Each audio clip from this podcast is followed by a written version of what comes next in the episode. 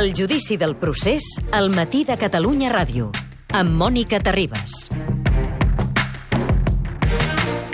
El Nadal passat, pocs s'atrevien a fer pronòstics de quan podia durar, però som al final d'aquest judici. Demà comença l'últim episodi del judici al Tribunal Suprem al procés independentista de la tardor del 2017, tot i que per la sentència encara haurem d'esperar. Veurem si és a finals de juliol, però la majoria de persones diuen que això serà la tardor. No ens atrevim a dir res. Un judici històric, sens dubte, el més important de la democràcia espanyola i amb conseqüències polítiques greus que les tindrà. Fa uns dies, l'advocat Andreu Bandereinde ens reconeixia que el president de la sala, Manuel Marchena, havia dirigit els tempos amb mà de ferro, encara que pel camí, afegia, els acusats havien perdut alguns drets. Dani Gómez i Domènec Sobirà, molt bon dia. Bon dia. Bon dia. En quatre mesos, des del 12 de febrer fins ara, que vosaltres no us heu desenganxat de la sala segona del Tribunal Suprem, Manuel Marchena ha completat tota la part del judici oral. Sí, no ens ha desenganxat ni un sol minut. Ha passat per les proves testificals aquest judici, pel dels testimonis, les pericials i també les documentals, amb la controvertida exhibició dels vídeos de l'1 d'octubre. La setmana passada, les acusacions, Fiscalia, Advocacia de l'Estat i l'acusació popular de l'extrema dreta de Vox van exposar els seus informes finals, amb els arguments per mantenir els càrrecs contra les 12 persones encausades. Demà tornarem a ser a Madrid, perquè tocarà les defenses exposar els seus arguments definitius en petició d'absolució. I després podran fer el seu al·legat final les persones que estan acusades. Hi ha dues sessions previstes, demà, dimarts i dimecres, i si cal, s'habilitarà també dijous. Per això avui ens semblava molt oportú sintetitzar, que és el que han fet els nostres sintetitzadors aquests quatre mesos, uh, aquest temps, moments, imatges, el més destacat del que s'ha dit uh, des del febrer, perquè us quedi clar abans de sentir les defenses a partir de demà. Dani. Sí, comencem per la fase testifical que es va iniciar amb la compareixença dels principals actors de govern i amb ells la principal controvèrsia en clau política. Fins on podia arribar el diàleg i on va començar la via unilateral? Versions d'Artur Mas i de Soraya Sainz de Santa Maria davant del Tribunal Suprem. Yo siempre escuché la voluntad de acordar los términos de ese referéndum con el gobierno español. Siempre. Lo escuché también en declaraciones públicas del presidente Puigdemont cuando visitaba al presidente Rajoy en la Moncloa y le ofrecía pactar la fecha, la pregunta y las condiciones anteriores y posteriores al referéndum. El Gobierno de la Nación no puede disponer sobre la soberanía y sobre la unidad del territorio nacional. Mi obligación es cumplir la ley. Y yo ni con el señor Junqueras ni con nadie puedo hablar de convocar un referéndum de autodeterminación en nuestro país.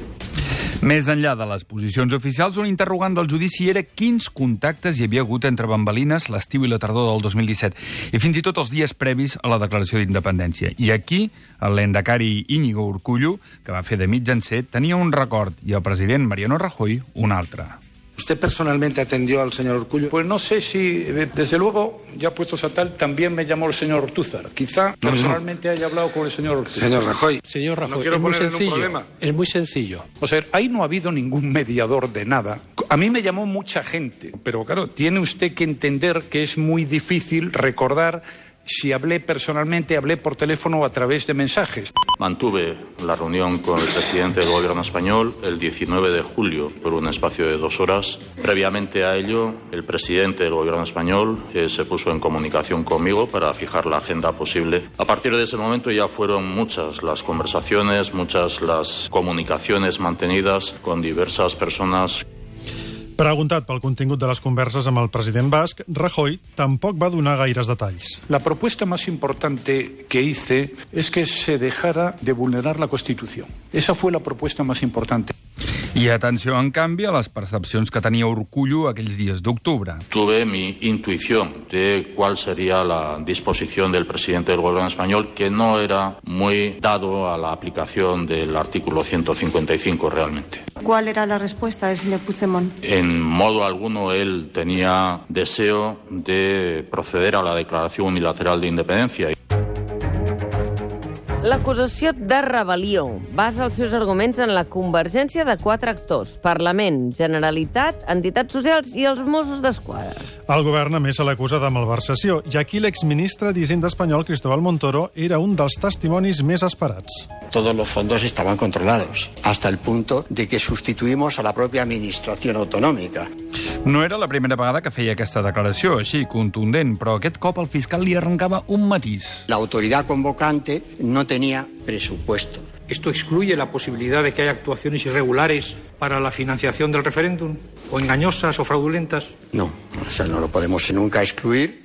La discussió sobre la veracitat i la legalitat dels fets, evidentment, ha estat un dels eixos del judici, i això s'ha ensenyit algunes de les defenses i part dels testimonis. Per exemple, l'actual president del Parlament, Roger Torrent, defensava l'actuació de la seva predecessora, Carme Forcadell. No hay propuestas de grupos parlamentarios que se puedan censurar. Nunca las hemos censurado. Nunca las ha censurado los presidentes que me han precedido. Particularmente, tampoco nunca las ha censurado la presidenta Forcadell. De hecho, yo en su lugar hubiera hecho exactamente lo mismo? Però una altra estratègia que també ha sobresortit és la de reivindicar els drets dels encausats i de la població a la que representaven. El debat de la legitimitat versus la legalitat. Aquí encaixa, entre d'altres, el testimoni d'Ado Colau, que, com ella mateixa aclaria, parteix de la discrepància amb l'independentisme. A mí se me parte el alma, señoría, de ver que el señor Cushart está hoy aquí en situación de prisión preventiva, como el resto de acusados, con quienes puedo tener discrepancias políticas, pero si, si por el 1 de octubre estamos hoy aquí, deberíamos estar millones de personas. Hi ha encara una reivindicació més, aquesta sobre el judici mateix. Les defenses havien demanat que es batés la participació del partit d'extrema dreta Vox al judici, però no se'n van sortir. Els exdiputats de la CUP, Antonio Baños i Eulàlia Reguant, van ser més expeditius quan els va tocar testificar. Si me permite, señoría, yo me negaré a contestar. No, no puede. Que sí, sí que puedo. No, no puede. Bueno, pues no, No, no, pienso no, mire, contestar mire, las mire, preguntas que me mire, haga No, no, escúcheme, eh, Vox. escúcheme, escúcheme. Frente a la extrema derecha, frente a un partido machista y xenófobo, no aceptaré contestar las preguntas asumiendo las consecuencias.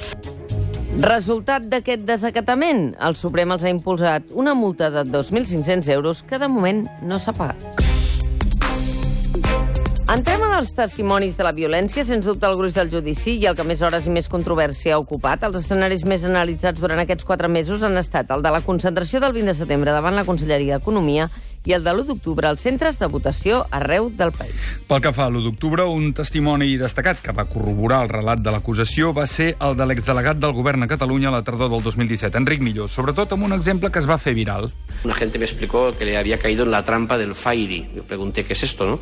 Verter detergente en la entrada de algunos colegios para que cuando los policías entraran, patinaran, cayeran al suelo y luego les pateaban en la cabeza, ¿no? Va portar cua, això del Fairy. Del 20 de setembre, un dels testimonis més polèmics de l'acusació ha estat el de Montserrat del Toro, la secretària judicial del jutjat número 13 de Barcelona, que aquell dia va dirigir l'escorcoll a la Conselleria d'Economia envoltada per milers de persones. Evidentemente, como persona, como ser humano, velar por mi integridad física porque realmente tenía miedo y también era mi obligación profesional asegurarme que el fruto del trabajo de 17 horas de registro no se perdieran ni se quedaran olvidadas La por que ella esmenta o la seva sortida pel terrat del departament han fet córrer molta tinta, tanta com la descripció del per què passava tot això a Catalunya aquella tardor. Nos poníamos en un clima que podíamos calificar por los objetivos, un clima que podíamos calificar por el número de acciones, un clima que podíamos calificar por la extensión donde se producían claramente insurreccional. Aquello literalmente era un polvorín. Aquellos días sabíamos que esa situación, cualquier incidente pequeño podía derivar en una escalada incontrolable y afortunadamente no fue así. Era el coronel de la Guàrdia Civil José Daniel Baena, cap dels agents judicials del cos de Catalunya, amb una explicació que donava cobertura i justificació global a tota actuació policial, conscient de les crítiques que havien generat i que no va generar, en aquest cas, cap retret per part de Manuel Marchena, perquè era una valoració. Baena, investigat per les seves crítiques i insults a les xarxes contra independentistes i periodistes, insistia a descriure un clima, un terme que el fiscal Jaime Moreno va fer seu després, quan va mostrar els vídeos de la suposada violència amb imatges que, per cert, no va saber ubicar geogràficament. Se está pidiendo del fiscal una identificación que nada viene a añadir. En todo caso, lo que se está señalando es que fue un clima en todos los colegios o en todos los lugares. Els informes sobre els fets d'aquella tardor elaborats pel coronel Baena per al jutjat d'instrucció número 13 de Barcelona són els que han fonamentat tota aquesta instrucció del Tribunal Suprem. Coherent amb aquesta línia, declarava el Suprem l'exministre de l'Interior, Juan Ignacio Zoido. Lo de ceso no lo comparto. Creo que fue una actuación proporcionada, dadas las circunstancias que concurrieron en ese, en ese día. El clima insurreccional és un dels arguments de l'acusació per justificar l'actuació dels cossos de seguretat espanyols. L'altre és la passivitat dels Mossos d'Esquadra, el famós binomi, un instrument, van dir ells, al servei de la rebel·lió, deien els fiscals. La tesi la va plantejar la Fiscalia ja a les conclusions provisionals i la va mantenir, de fet, a les conclusions definitives de la setmana passada, després de quatre mesos de judici i de sentir gairebé 500 testimonis i de veure una desena d'hores de vídeos. Ara al tribunal li toca valorar explicacions com la del major dels Mossos, Josep Lluís Trapero, preguntat pel mateix Manuel Marchena sobre aquesta suposada submissió al govern independentista. Señor Trapero, antes de marcharse, exactamente qué mensaje quiere usted transmitir a esos responsables políticos y qué respuesta obtiene. Empecé diciendo que allí íbamos como cúpula del cuerpo y les emplazamos a un cumplimiento de la legalidad, de las órdenes judiciales. Les dijimos que evidentemente nosotros las íbamos a cumplir, que no se equivocasen con nosotros. Les dijimos que el cuerpo de Mossos evidentemente no iba a quebrar nunca con la legalidad y la Constitución, que no acompañábamos el proyecto independentista. El segon en la cadena de comandament dels Mossos, Ferran El López. És... també va participar a les reunions amb el govern eh, on va advertir del risc de violència. Sí que recuerdo que el señor Puigdemont dijo que si se producía este escenario que nosotros preveíamos, él en ese mismo momento declaraba la independencia. ¿Así lo dijo? Así lo recuerdo perfectamente, sí. Yo creo que es una frase que recordamos todos perfectamente porque es difícil de olvidar. El tribunal podria tenir en compte també que Ferran López va ser el representant dels Mossos tant en la coordinació de l'1 d'octubre com en l'aplicació del 155, encara que el màxim responsable d'Interior, Juan Ignacio Zoido, ni ho sabia. ¿Sabía usted que el señor Ferran López era el comisario designado por el mayor Trapero para asistir en su nombre a las reuniones de coordinación con el coronel Pérez de los Cobos? Lo ignoro. Y en el hecho de que coincidiera el representante máximo designado por la administración desleal con el nuevo jefe operativo designado por usted no le produce sorpresa. Yo ignoro quién fue el que aprobó el, el dispositivo de los Mossos de Escuadra. Justament l'interrogant sobre qui va decidir l'actuació dels Mossos per l'1 d'octubre ha estat un dels nusos en aquest procés que moltes vegades semblava ser un judici als caps dels Mossos d'Esquadra. Tant és així que Xavier Melero, l'advocat de l'exconseller d'Interior Joaquim Forn, va demanar al tribunal un cara a cara entre el comissari Ferran López i el coordinador de les policies l'1 d'octubre, el coronel Diego Pérez de los Cobos. La sala no ha autoritzat aquest cara a cara i la defensa s'ha quedat sense poder posar en evidència contradiccions com aquesta. Ese plan de actuación no parece el apropiado para impedir un referéndum, sino que parece más encaminado a un dispositivo policial de unas elecciones normales y no de un referéndum prohibido que hay que impedir. El señor de los Cobos validó el dispositivo día 1 de octubre, validó que fuesen una dotación de Mossos de Escuadra en cada centro de votación, validó el dispositivo y diseñó la estructura de la coordinación del dispositivo. Dues versions per a una sola veritat. Algú menteix, deia Melero, quan observava aquestes divergències de testimonis. I aquesta impressió es repetiria quan la sala va escoltar els guàrdies civils i els policies espanyols que van actuar l'1 d'octubre. Vi por primera vez en mi vida profesional el reflejo del odio. Lo vi en la cara de la gente aquella. Pude ver las caras de odio y las caras de desprecio ante los agentes de la autoridad. Era digno de ver la cara de odio con la que nos miraba. Yo llevo 25 años en la Guardia Civil, muchos de ellos los pasé en el País Vasco, y lo que pude percibir en esa persona nunca lo he percibido. Ver ese odio en esa gente, y máxime nosotros que tuvimos una intervención muy liviana, muy humana, Aquí tampoc es va poder confrontar el relat amb la prova que més clarament podia evidenciar contradiccions o falsedats, els vídeos, els famosos vídeos. El contrast només arribaria finalment amb el testimoni dels que van anar a votar. Vi cómo cogían a la gente por el pelo, cómo la tiraban por el suelo, uno que recibe alguna patada. Vimos la policía cómo estaba arrastrando y pegando a la gente, intentándola sacar de allí. E incluso vi cómo un policía levantó la porra a una abuelita que estaba sentada en una silla. Me acuerdo perfectamente del ruido de las porras cuando abrían una cabeza.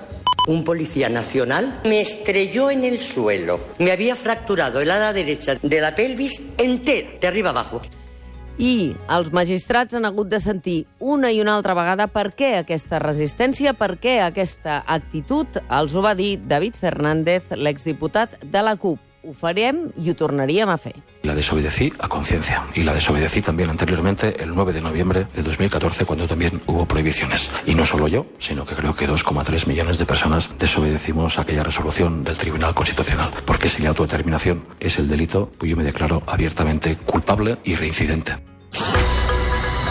Les picabaralles entre els advocats defensors i el president de la sala, Manuel Marchena, han estat una constant al llarg d'aquest judici. Una de destacada va ser aquesta, quan l'advocat Benet Salelles interrogava la filòsofa Marina Garcés. Atenció a com Marchena posava fi a la discussió. Yo el 1 de octubre aluciné. Vamos a ver, usted no viene aquí para explicar al tribunal su grado de alucinación, su estado febril, viene aquí exclusivamente a explicar qué fue lo que pasó. Únicamente dejar constancia que las percepciones de los testigos del 1 de octubre, cuando fueron agentes No. policiales, el tribunal los aceptó. Yo de- dejo constancia de Sí, mi vale, protesta correcto. por la, la forma en la que el Sí, tribunal está pero dirigiendo Una cosa son las percepciones sensoriales y otra cosa las percepciones emotivas percepciones acerca de la de alucinación. sí fueron pertinentes, Por- señoría. Mire, los en cualquier caso, formule otra pregunta, señor Salellas. No voy a formular más preguntas. Correcto, mucho mejor.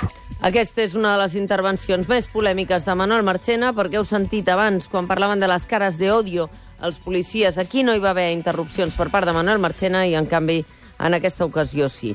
La decisió del tribunal de no contraposar les declaracions dels testimonis amb les imatges dels vídeos també ha generat conflictes de manera permanent amb les defenses. Els famosos vídeos del 20 de setembre i de l'1 d'octubre només es van poder veure en la fase documental, quan ja havien acabat els testimonis policials i els dels ciutadans que van defensar les urnes. Això va impedir remarcar les contradiccions que els defensors detectaven en el relat dels agents espanyols. És el que li va passar en aquesta ocasió a l'advocat Jordi Pina, que, com la resta dels seus companys, interrogava mentre veia en el seu portàtil els vídeos que el tribunal no permetia projectar. ¿Usted sabe si se puso una persona con las manos delante para dialogar y la fuerza actuante lo arremetió, cayó esta persona al suelo y continuaron la marcha sin hacerle caso a esta persona? Mire, voy a ser más preciso, que lo estoy viendo.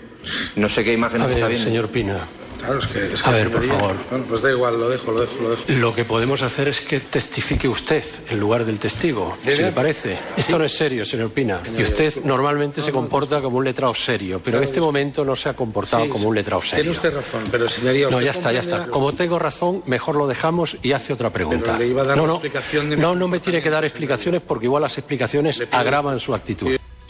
Sonada també aquesta enganxada de Marchena amb l'advocada Marina Roig. Respecto del Pacto Nacional pel Referéndum, ¿cuál fue el papel del sindicato? Bueno, participamos... Vamos a ver, doña Marina, ¿usted cree que tiene trascendencia en el tratamiento jurídico de los hechos el papel relevante que haya tenido comisiones obreras en el tratamiento de estos hechos? No tiene ninguna trascendencia. Yerra usted en la estrategia defensiva. Y ya no sé cómo decírselo más claro.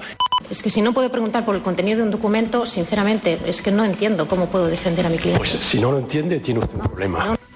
Marxant en estat pur. Tensions, retrets, queixes, protestes i fins i tot algun comentari gens imparcial d'un dels magistrats que va passar desapercebut per a la sala, però no per a l'advocat Andreu Van den Ende, que va necessitar respirar fons i tot seguit mossegar-se la llengua per continuar endavant. ¿Tiene más preguntas, señor Letrao? Señor Letrao. Sí, estoy pensando. ¿Qué está pensando? La pregunta que va a hacerle. No. Eso hay que traerlo pensado de casa, pero bueno, ¿va a formularle otra pregunta? Sí. Adelante. Quiero recobrar un poco la serenidad para poder ejercer bien la, la función de defensa. Pues adelante, recobre la serenidad y formule una pregunta.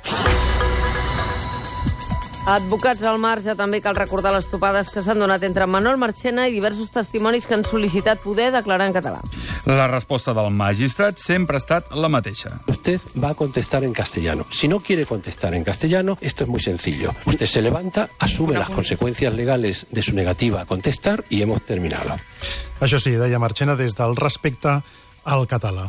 Marchena s'ha esforçat a quadrar el judici pel que fa a les formes i els tempos. Ara queda la valoració del contingut de tot el que s'ha vist i sentit aquests quatre mesos. Demà i dimecres les defenses li donaran la seva versió definitiva i després els 12 acusats tindran l'última paraula abans que Marchena declari ja el judici vist per sentència. Com ja va passar a l'inici de la vista oral, tornarem a escoltar les veus d'Oriol Junqueras, Joaquim Forn, Jordi Turull, Raül Romeva, Josep Rull, Dolors Bassa, Carles Mundó, Meritxell Borràs, Santi Vila, Jordi Sánchez, Jordi Cuixart i Carme Forcadell.